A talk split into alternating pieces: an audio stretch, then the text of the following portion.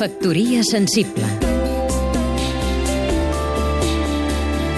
Ramon Muntaner, músic i gestor cultural. Fa pocs dies vaig trobar al fons d'una prestatgeria de casa un llibre de gairebé 500 pàgines. Informe Mundial de la Cultura. Cultura, Creativitat i Mercats, editat per l'UNESCO l'any 1998.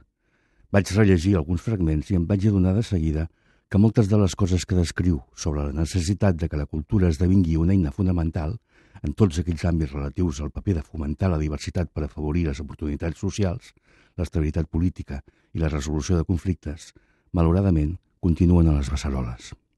Un altre dels aspectes en què més incideix aquest informe, editat ara fa 16 anys, és el fet de que, i cito textualment, la política cultural reconeix cada cop més la importància econòmica de les indústries culturals, tot i que alguns artistes consideren que la designació del terme indústries culturals indica una submissió de l'art al mercat i una substitució dels valors estètics per valors comercials.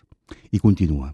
A mesura que el paper de les indústries culturals es va definint amb més claretat, es fa més urgent la necessitat de protegir la creativitat, tot proporcionant una remuneració justa a l'esforç creatiu, garantint alhora un accés equitatiu als consumidors. En l'era de les noves tecnologies de la comunicació, els problemes de la regulació dels drets d'autor es multipliquen per mil i és essencial que s'avanci amb més rapidesa, tant dintre dels països com entre ells, en el disseny de mitjans eficaços per la seva protecció en l'era digital. I conclueix.